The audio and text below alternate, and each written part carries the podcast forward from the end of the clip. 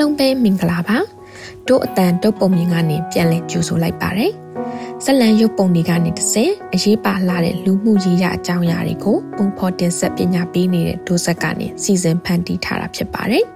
စိတ်ထိကြိုက်စရာဝမ်းနည်းစရာအကြောင်းအရာတချို့ကိုလည်းဒီ podcast မှာပါဝင်နေကြောင်းကြိုတင်သတိပေးလိုပါတယ်ဒီ podcast ကိုတော့နန်းညီနဲ့အတူကျွန်မမပန်းနေကတင်ဆက်ထားပါတယ်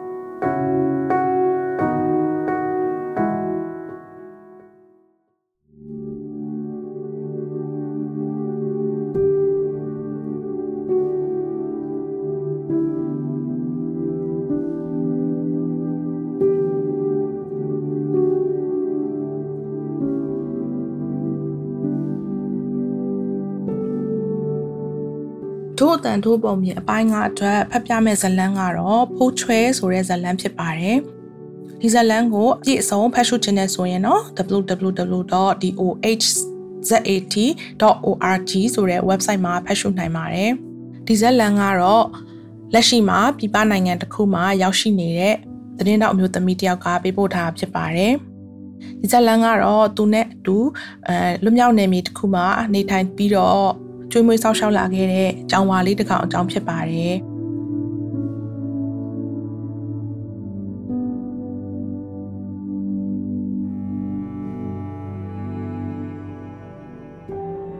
ကျောင်းဝါလေးတစ်ကောင်ကိုလမ်းမှာတွေ့တဲ့ညကညအိတ်တော့အိမ်မက်ဆိုးတွေမှတ်တယ်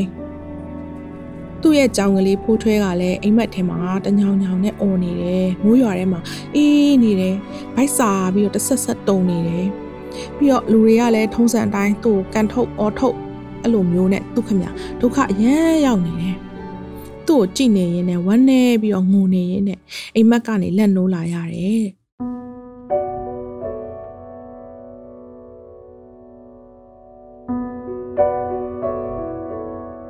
သူကတိုင်းရင်းသားနယ်မြေဘက်ကိုရောက်တဲ့အချိန်မှာအဲ့ဒီကြောင်ဝါလေးကိုသူစပြီးတော့တွေ့တယ်အဲ့ကြောင်လေးကလည်းအဲ့နားမှာသူအဲ့ရွာဘက်ကိုရောက်ခါစားပေါ့နော် ကြောင်လေးကရုပ်ကလည်းဆူဆူလေးမျက်နှာကလည်းမချိုးအတန်ကြီးကလည်းအတန်ကွဲကြီးနဲ့ဆိုတော့ဘသူကမှအဲ့ဒီကြောင်မချစ်ဘူးဒါပေမဲ့သူကတော့ကြောင်တွေကိုအရန်ချစ်တတ်တယ်ရန်ကုန်မှာတော့ကလည်းသူကြောင်ဆက်တကောင်မွေးထားတယ်အဲ့ခါကျတော့အဲ့ကြောင်တွေကိုပြစ်ပြေးလာရတဲ့အခါကျတော့ခုချိန်မှာဒီကြောင်လေးကိုတွေ့တဲ့အချိန်မှာဖိုးချွဲလို့နာမည်ပေးပြီးတော့သူကတရုတ်တရနဲ့အရန်ချစ်ခဲ့ရတယ်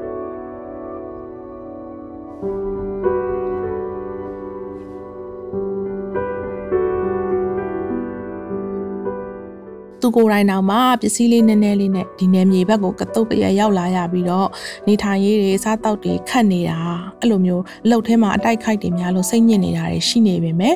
ကြောင်ကလေးကိုတော့သူတက်နိုင်သမျှကျွေးမွေးပြုစုပြီးတော့ကြောင်လေးသူ့နားမှာရှိရတဲ့အတွက်ကြောင့်မို့လဲလေသူ့စိတ်ထဲမှာအဖော်ရှိတယ်ဆိုတဲ့စိတ်နဲ့တက်တာစေခဲ့တယ်။အော်ငါတယောက်တည်းမဟုတ်ဘူးဆိုပြီးတော့ဒီလိုမျိုးလေးသူကြောင်ကိုတွေ့တာခဲ့ရတယ်။ဒါပေမဲ့အဲ့ကြောင်လေးအရန်လဲဒုက္ခပေးတယ် တခါလေကြာရင်တွေ့ကြရသေးလျှောက်ပန်းတတ်တဲ့အခါကျတော့လူတွေကသူ့သဘောမကျအောင်ငကူကမှမချစ်ခင်ရတဲ့ကြားထဲမှာသူများ laptop ကိုတီးသွားပန်းလို့ laptop ပြတ်သွားတာနဲ့သူ့မှာမရှိရှိတဲ့ပတ်စံရော်လိုက်ရသေးတယ်နောက်ဆုံးမှာတော့သူကအဲ့နေမြေမှာဘလို့မှနေလို့မရတော့မရတော့လို့ကန်းကူပြီးတော့တခြားနိုင်ငံဘက်ကိုပြေးမယ်ဆိုပြီးတော့လှုပ်တော့လဲတွားရပါမယ်ဆိုကမှအနားမှာမနေပဲရှောက်သွားနေလို့လာခေါ်တဲ့လူတွေကညှို့ညင်တာကိုခံပြီးတော့မရမကလိုက်ရှာဖမ်းရသေးတယ် နောက်တော့ကြောင်ထဲတဲ့ကြောပိုးအိတ်ချက်ချက်ကလေးတွေကိုထည့်ပြီးခေါ်လာတဲ့အခါဆက်လီနဲ့မြစ်ကိုကူတော့ရေမြင်ပြီးတော့ကြောင်လေးကလန့်နေတာတွေအဲ့ဒါတွေကိုကြည့်ပြီးတော့သူ့မှာကြောင်လေးကိုတနန်းလိုက်တာအဲ့ဒါနဲ့ဒီဘက်ကန်းကိုရောက်တဲ့အခါကျတော့ရွာတရွာမှာတညခိုနေရတော့မှာအော်ကြောင်ကလေးချင်းချောင်းလက်ဆန်းလုပ်ပါစေဆိုပြီးတော့သူကအိတ်ထဲကနေပြီးတော့ထုတ်ပေးလိုက်မိတယ်။အဲ့သူကကြောင်လေးကထုတ်လိုက်တဲ့ချိန်မှာအဲ့ရနေရဘီးနာလေးမှာပဲတပတ်လေးလျှောက်လိုက်ပြန်သွားလိုက် ပြန်ရောက်လာလိုက်ခဏလေးထွက်သွားလိုက်ပြန်လာလိုက်အဲအဲ့လိုလေးလုပ်နေတော့အော် तू ပြန်လာသားပဲဆိုပြီးတော့ तू ကလည်းစိတ်ချလက်ချနဲ့နေလိုက်တယ်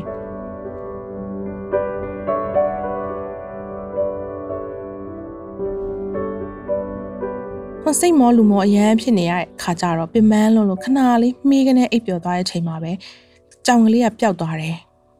နိုးလာတော့ဖိုးချွဲလေးမရှိတော့ဘူးပြန်လဲမလာဘူးလိုက်ရှာတော့လည်းမတွေ့ဘူးခေါ်တော့လည်းမလာဘူး သူကသူကိုယ်တိုင်တောင်မှခိုးကြောင်ခိုးဝက်နဲ့သူများနိုင်ငံတွေကိုဝင်လာတဲ့အချိန်မှာသူ့ကိုလိုက်ရှာဖို့ဒီကြောင်ကလေးကိုလိုက်ရှာဖို့ဘသူကအချိန်ပေးမှလဲဘလို့လဲရှာရှာဘလို့ခေါ်ခေါ်ပြန်မလာတော့နောက်ဆုံးမှသူသွားရတော့မှဖြစ်တဲ့အတွက်ကြောင့်မလို့တဲခိုးတဲ့အိမ်ကိုပဲကြောင်ကလေးပြန်လာရင်ကြောင်ကလေးကိုရှာတွေ့ရင်သူ့ကိုဆက်သွယ်ပါဆိုပြီးတော့နီလန်းတွေကိုသူပေးခဲ့တယ်ဒါပေမဲ့လည်းဒီကြောင်ရုပ်စိုးလေးတစ်ကောင်အတွက်ကိုဘသူကအဲ့လောက်ကြီးဒုက္ခခံပြီးတော့ဟိုပို့လိုက်ဒီပို့လိုက်ဒီလုတ်ပေးမှလဲပေါ့နော်သူအဲ့လိုထင်တော့ထင်သားပဲ ဒါပေမဲ့ဒီကြားထဲမှာလည်းဒီဘက်နိုင်ငံကိုရောက်ပြီးတဲ့နောက်မှာသူ့မှာရှိသမျှပတ်စံတွေအကုန်လုံးခိုးခံရပြီးတော့လက်ထဲမှာပတ်စံလေးနည်းနည်းပဲကျန်တဲ့ခါကျတော့သူကိုယ်တိုင်တောင်နေရေးထိုင်ရေးနဲ့စားတောက်ရေးတွေခတ်နေတာဒီကြောင်ကလေးရောက်လာရင်သူဘယ်လိုစောင့်ရှောက်မှာလဲလို့တွေးပြီးတော့လေသူစိတ်မကောင်းဖြစ်တယ်အဲ့လိုအခက်ခဲတွေကိုသိနေလို့များလဲကြောင်လေးကပြန်မလာတာလားဆိုပြီးတော့သူအတွေးခေါင်မိရပေါ့နော်သူ့မှာတိုင်းပြည်အကြောင်းတွေတိုင်းပြည်ကလူတွေတည်ကြည်ဒုက္ခရောက်တာတွေ မိသားစုစိတ်ပူတာတွေအိမ်ထောင်ရေးပြဿနာတွေအကြောင်းကိုတခြားသူတွေကိုထုတ်ပြောပြီးတော့စိတ်ဖြေလို့ရသေးတယ်ဒါပေမဲ့ကြောင်လေးကငါကြောင့်ဒုက္ခရောက်ရတယ်ဆိုတဲ့အပြစ်စိတ်ကြီးအရန်ကြီးနေတာကြတော့ဘသူ့မှမပြောမိဘူးပြောလို့ရှင်လဲအမလေးကြောင်လေးကိုများဖြစ်နေလိုက်တာဆိုပြီးတော့အဲ့လိုပြန်ပြောခံရမှာကိုသူစိုးရိမ်နေတကယ်တော့သူ့အတွက်က ဒီဖိုးချွဲကကြောင်လေးဆိုတာထက်ပိုတယ်အထီးကျန်နေတော့တွေ့ရမဲ့နေတော့မှဖော်ပြပေးခဲ့တာသူတယောက်တည်းမဟုတ်ဘူးဆိုတော့စိတ်မျိုးလေးဖြစ်အောင်လို့ဒီကြောင်လေးကလှုပ်ပေးခဲ့တာပေါ့နော်ပြီးတော့တကယ်လို့သူသာ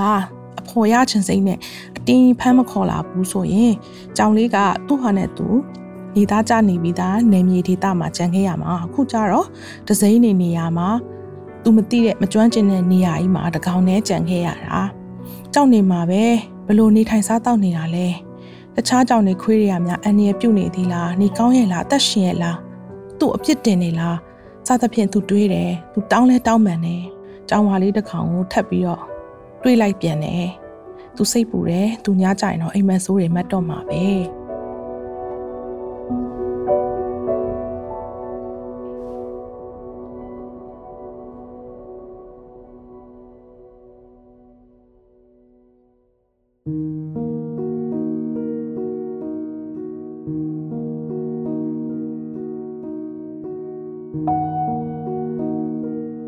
အိမ်မွေးတိရစ္ဆာန်တွေအပေါ်မှာတန်ရောစင်တွဲတဲ့အခါမျိုးကနေသူတို့လီတွေနဲ့ခွဲခွာရတယ်ဆုံးရှုံးရတယ်ဆိုရင်ကျမတို့တွေကရင်ထဲအမျှဝမ်းနေရတယ်ခါလေးဆိုရင်ကိုကိုကိုအပြစ်တွေတင်လို့မဆုံးတဲ့အခါမျိုးတွေတောင်ရှိတယ်ဟုတ်တယ်နော်။ဘာကြောင့်လဲဆိုတော့အိမ်မွေးသိစံလေးတွေကိုကျမတို့ကချစ်တယ်ဆိုရင်ကလေးလေးလိုမျိုး queue site တယ်ပြုစုတယ်စောင့်ရှောက်တယ်အဲ့ဒီအခါမှာအကြောင်းမျိုးမျိုးနဲ့ပို့ပြီးတော့မှတန်ရောစင်တွေပို့တွေ့လာရတယ်အဲ့လိုမျိုးတွေဖြစ်လာလေလေအကြောင်းအရာတစ်ခုခုမှပေါ်လာပြီးတော့မှသူတို့ကိုဆုံးရှုံးရပြီဆိုရင်တို့တွေကအေးငါအသုံးကြလေခြင်းငါတေချာမဆောင်ရှောက်နိုင်လို့ပဲငါကြောက်ငါကြောက်ဆိုပြီးတော့မှကိုကိုကိုတောင်းဝင်မကြည့်နိုင်တဲ့အရာတွေအတွက်ကိုတွေကဒီဆုံးရှုံးမှုတွေ ဒီလက်လွတ်လိုက်ရမှုတွေပေါ်မှာတို့တွေကခံစားရတယ်။အဲ့ဒီအခါမှာတချို့အရာတွေကကြိုတင်ခံမှန်းထားလို့မရဘူးရွေးချယ်လို့မရဘူးဆိုတာကိုတို့တွေကမိသွားထက်တယ်ပေါ့နော်။အခုလိုမျိုးဆုံးရှုံးမှုတွေခံစားမှုတွေဖြစ်လာရပြီဆိုလို့ရှိရင်ဘာကြောင့်လဲဆိုတော့ loss and grief လို့ခေါ်တဲ့ဆုံးရှုံးမှုရဲ့အနောက်ကဖြစ်လာတဲ့တန်တာခြင်းကိုပြောတာ ဆိုလို့ရှိရင်ဒီလိုမျိုး grief မှာတို့တွေကအဆင့်50ရှိရလို့ပြောတယ်အဲ့အဆင့်50ကတစ်ပြီးမှနှစ်လာတယ်နှစ်ပြီးမှသုံးလာတယ်ဆိုဒီလိုမျိုးတစ်ဆင့်ပြီးတစ်ဆင့်လာတာမဟုတ်ဘူးဒီ5ခုက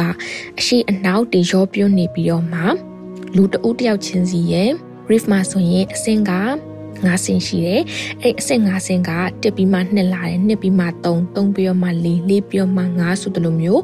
1 2 3 4 5ဆိုပြီးတော့မဟုတ်ဖ ೇನೆ သူဟာအရာအလုံးတွေကိုကြောပြောနေတယ်ဆိုတဲ့အတွက်ကိုရီက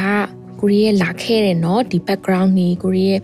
individual differences ဒီပုံမှာမူတည်ပြီးတော့ဒီအဆင့်၅ခုကကွာဟနေနိုင်တယ်အချိန်ကာလအဖြစ်လဲကွာဟမယ်အရှိအနောက်တွေကွာခြားမှုတွေလည်းရှိမယ်အတွေ့အကြုံတွေကလည်းတူညီမှာမဟုတ်ဘူး เนาะဆိုတော့ဒီ၅ခုကဘာလဲဆိုတာကိုပြောကြည့်မယ်ဒါဆိုရင်တနာရီလို့ခေါ်တဲ့เนาะဒီရှောင်ဖဲတဲ့ဟာမျိုးဖြစ်နိုင်ဘူးမဟုတ်ဘူးဆိုပြီးတော့မှအတင်းကာရောတွေညှင်းဆန်နေတာပြီးရင်နောက်တစ်ခုက anger anger လို့ဆိုတာကဒေါသတွေထွက်တာအော်ဖြစ်မှဖြစ်ရလေခြင်းလှုပ်ရက်လေခြင်းဆိုပြီးတော့မှเนาะဒေါသတွေထွက်တယ်ပြီးရင် bargaining လို့ခေါ်တဲ့သူတွေကဈေးစစ်တာ နော်ဒါဒါတော့မဟုတ်ဘူးဆိုရင်ဒီလိုလေးဖြစ်လိုက်ပါလားဒီလိုလေးမဟုတ်ဘူးဆိုရင်ဒီလိုလေးရောစသဖြင့်နဲ့ကိုရီကဈေးစစ်တယ်လို့မျိုးနောက်တစ်ခုက depress ဖြစ်တာ depress ဖြစ်တယ်ဆိုလို့ရှိရင်အော်မထူတော့ပါဘူးလေဖြစ်သွားခဲ့ပြီပဲငါကတော့ဘာမှမတက်နိုင်ဘူးဆိုပြီးတော့မှကိုရီးယားစိတ်သက်တင်ကြာသွားတဲ့ဟာမျိုးဟိုးနောက်ဆုံးနောက်ဆုံးမှာမှ acceptance လို့ခေါ်တဲ့ အခြေအနေကိုလက်ခံနိုင်တဲ့အနေအထားကိုရောက်တာเนาะအဲ့ဒါကိုမြင်အောင်ပြောရမယ်ဆိုလို့ရှိရင် တို့တွေအဲထားပါတော့အတိထဲမှာကိုရဲ့ချစ်ရတဲ့အတော်တရရောက်ပေါ့နော်ကိုချစ်ရတဲ့အတော်ဆုံးရှုံးသွားတယ်ဆိုလို့ရှိရင်အတော်ကနေဆုံးရှုံးဆုံးသွားပြီဆိုပြီးတော့မှဖုန်းကောရတယ်ပေါ့ထားပါတော့ဒါဆိုလို့ရှိရင်အဲ့ဒီဖုန်းကိုကင်ပြီးတော့မှအဲမဖြစ်နိုင်ပါဘူးသူကအလက်ကြီးရှိသေးတယ်ဟိုနေ့ကမှငါနဲ့စကားတွေပြောနေခဲ့သေးရဆိုပြီးတော့မှ deny လုပ်တယ်နော်ဒနိုင်လုပ်တယ်ဆိုပြီးတော့မှမဖြစ်နိုင်ဘူးဆိုပြီးတော့မှအတင်းညင်ဆက်တယ်ပြီးတဲ့အခါကျလို့ရှိရင်သူကတိ သူကတွေ့လားသူကရေချိုးတာမစင်ကျင်ဘူးအဲ့ဒီမှာအေးအေးပတ်တာနေမှာပေါ့ဆိုပြီးတော့မှဒေါသတကြီးကြီးဖြစ်လာတယ်နော်ပြီးလို့ရှိရင်နောက်တစ်ခုကဟဲသူကလည်းတော့အခုမှတက်က40ပဲရှိသေးတယ်ငင်လိုက်တာကြည့်ပါအောင်ဖြစ်မှဖြစ်ရလေသူအစားတခြားသူဆိုတော်သေးအဲအဲ့လိုမျိုးကိုရီကနေဈေးစစ်တဲ့ဟာမျိုးဘာကင်းနေလောက်တာမျိုးပြီးနောက်တစ်ခုက depress ဖြစ်တယ်ဆိုလို့ရှိရင်အတော်နဲ့ငါနဲ့ကငငယ်ကဘယ်လိုမျိုးခြေနေတွေရှိခဲ့တယ်ဘယ်လိုမျိုး အမှတ်တရလေးတွေရှိခဲ့တယ်ဆိုပြီးတော့မှပြန်လဲတန်းတာဝမ်းနေပြီးတော့ depressive ဖြစ်တာအဲ့ဒီရဲ့အနောက်ဆုံးနောက်ဆုံးကြတော့မှအော်ဟုတ်တယ်တော့ကတော့အခုတော့ဆုံးသွားပြီသူအတွက်ကောင်းမှုကုသိုလ်လေးလုပ်ပေးမယ်เนาะသူကြိုက်နေတဲ့ဟာလေးတွေသူလှူနေကြဘုန်းကြီးကျောင်းလေးမှာသွားပြီးတော့မှလှူပေးတယ်လို့မျိုးကိုဟာလုပ်ပေးနိုင်တဲ့ဟာလေးလုပ်ပေးမယ်ဆိုပြီးတော့မှလက်ခံနိုင်တဲ့အဆင့်ကိုသွားတယ်လို့မျိုးနော်ဒါကြောင့်မို့လို့ loss and grief လို့ခေါ်တာမျိုးတွေဖြစ်လာခဲ့ပြီးဆိုလို့ရှိရင်ဒီအဆင့်၅ဆင့်ရှိရစွာကိုတို့တွေကမှတ်ထားရမယ် ဒါလူတွေကတယောက်နဲ့တယောက်ကဒီအဆင့်၅ဆင့်ကမတူဘူးเนาะတစ်ပြီးမှနှစ်လားနှစ်ပြီးမှသုံးလားလည်းမဟုတ်တလို့ individual differences တို့ခေါ်တယ်တအုပ်တယောက်ချင်းစီရဲ့ကွာခြားမှုပေါ်မှာမူတည်ပြီးတော့အချိန်ကာလတွေအတွေ့အကြုံတွေကတူညီမှာမဟုတ်ဘူးဥပမာတချို့လူတွေအတွက်ကစိတ်ဆိုးတဲ့အချိန်ကနော်9လလောက်ကြာရင်ကြာမယ်နောက်တချို့တွေအတွက်ကသူနဲ့မှစကားမပြောဘဲနဲ့စိတ်တက်ကြတာကိုပဲနှစ်ပတ်လောက်ကြာရင်ကြာမယ် နောက်ခါကျရင်အဲဒီလိုတော့မဖြစ်နိုင်ပါဘူးလေဆိုပြီးတော့မှဈေးစစ်နေတာကိုပဲနှစ်နှစ်ကြီးကြာရင်ကြာနိုင်တယ်ဒါကြောင့်မို့လို့ကိုရီးယားကိုရီးယားကြုံခဲ့ရတဲ့အတွေ့အကြုံပေါ်မှာမူတည်ပြီးတော့မှသူများအောင်ငါတော့ကတော့ဘလို့ပဲပါလုပ်ခဲ့တာနင်းကတော့တလပဲတလပြင်ဘာမှမဖြစ်တော့ဘူးเนาะစသဖြင့်နဲ့ကိုရီးယားနေကိုအတွေ့အကြုံပေါ်မှာမူတည်ပြီးတော့မှသူများကိုအတင်းနေတွန်းအားပေးတာမျိုးတွေလုပ်လို့မရဘူးသူတို့အတွက်တင့်တော်လျောက်ပတ်တဲ့အချိန်ကိုသူတို့ကယူရမှာပဲ ဒါကြောင့်မို့လို့ကိုရီးယားနေအားမလို့အားမရဖြစ်မဲ့အစားမှာကျင်ကျင်နာနာနဲ့เนาะသွားပြီးတော့မှကိုရီးယားပြည်နားမှာရှိတဲ့เนาะစကားပြောချင်ရင်လည်းနားထောင်ပေးမယ်ဘေးနားမှာတူတူရှိနေလို့ရတယ်ဆိုပြီးတော့မှကိုရီရဲ့ရှိနေမှုကိုပဲသူတို့အသိပေးပြီးတော့မှအကူအညီပေးလို့ရတယ်ဒီပုံမြင်မှာဆိုရင်ကိုကိုကိုဖြစ်တဲ့နာမျိုးကနေမထွက်လာနိုင်သေးတာကို မြင်ရတယ်နော်ဒါဆိုလို့ရှိရင်ဒီ podcast လေးကိုနားထောင်နေကြတဲ့မိတ်ဆွေတို့ကရောအခုလိုမျိုး loss and grief ကိုခံစားခဲ့ဘူးသလားဘယ်လိုလေးတွေကင်တွေခဲ့တယ်လဲဆိုတာကိုပြန်လည်ပြီးတော့မှမြင်ရောက်ကြည့်လို့ရပါတယ်ပြီးတဲ့အခါမှာကျမတို့တွေကစိတ်သက်ကြတာမျိုးကနေတဆင့်လူတွေကိုရှောင်ဖယ်လာတယ်။အဲဒီကနေအထီးကျန်တာမျိုးတွေဖြစ်လာပြီးရင်နောက်ဆုံးနောက်ဆုံးမှာအခြေအနေမှန်ကိုလက်ခံနိုင်တယ်ဆိုတော့ ကိုနောက်ဆုံးအဆင့်ကိုရောက်တယ်ပေါ့နော်။အဲဒီကိုရောက်ဖို့အတွက်ကရှေ့ရှေ့မှာပြောခဲ့သလိုပဲအချိန်နေကြာရင်ကြာမယ်။နာကျင်ရတာတွေလည်းများမယ်။ဒါကြောင့်မို့လို့ဒီကြားထဲမှာကိုကိုကိုကျင်ကျင်နာနာနွေနွေတူတူနဲ့ဆက်ဆံဖို့ခွင့်လွတ်နားလည်တတ်ဖို့အမြဲတမ်းသတိထားရမယ်နော်ကိုကိုကိုကျင်နာရမယ်ကိုပေးနာလူတွေကိုကျင်နာရမယ် ခုလိုမျိုး loss and grief ကိုကြော်လွန်ဖို့အတွက်အကောင်းဆုံးနဲ့ကျန်းမာဆုံးနည်းလမ်းကဘာတွေဖြစ်မလဲဆိုတာကိုရှာဖွေကျင့်ကြံရမယ်။ဒါကလည်းတယောက်နဲ့တယောက်တူမှာမဟုတ်ဘူးเนาะ။ကိုယ့်အတွက်ဒီနည်းလမ်းကအဆင်ပြေတိုင်းတခြားသူအတွက်လည်းဒီနည်းလမ်းကအဆင်ပြေခြင်းမှပြည့်မယ်။ဆိုတော့ဒီပုံမြင်ဆက်လန်းရဆိုလို့ရှိရင်သူကနောက်ထပ်ကြောင်လေးတစ်ကောင်ကောင်မွေးစားတာပဲဖြစ်ဖြစ်เนาะဒါမှမဟုတ်လို့ရှိရင် အဲ animal shelter တွေမှာသွားပြီးတော့မှစေတနာဝန်ထမ်းလုပ်တာလိုမျိုးဒါမှမဟုတ်ရင်ကြောင်လေးခွေးလေးရှိရဲ့အိမ်လေးတငယ်ချင်းတွေစီကိုသွားပြီးတော့မှသူရဲ့ခွေးလေးကြောင်လေးတွေကိုဖတ်လုပ်တယ်လို့မျိုးလုပ်တာလည်းလုပ်လို့ရမယ်။ဒါကြောင့်မလို့ကျမတို့တွေကထိန်းချုပ်လို့မရတဲ့ဖြစ်ပျက်ဒီပေါ်မှာနားလည်လက်ခံနိုင်ဖို့အတွက်ကခက်တယ်။အဲ့လိုခက်တာတွေကိုလည်းတဆင့်စီရအောင်လို့ကိုရီကနေခံစားချက်တွေဖြစ်ပျက်တွေကိုအတိမတ်ပြူတာကနေစရမယ် နော်ပြီးရင်ကိုနှစ်သက်တဲ့လှုပ်ရှားမှုတစ်ခုခုလုပ်တာမျိုးစာရေးချရေးတာလိုမျိုးကိုလက်လှုပ်ရှားလုပ်တာလိုမျိုးတရားထိုင်တာလိုမျိုးစသဖြင့်ကိုခန္ဓာကိုယ်အတွက်ကိုစိတ်နှလုံးအတွက်တင်ရလျောက်ပတ်တဲ့ activities လေးတွေလှုပ်ရှားမှုတွေဒါတွေကိုလုပ်လို့ရတယ်စိတ်နှလုံးကျန်းမာရေးကလူတိုင်းအတွက်အရေးကြီးရဆိုတာကိုသတိလေးပေးရင်းနဲ့ဒီ podcast ကနေနှုတ်ဆက်လိုက်ပါတယ်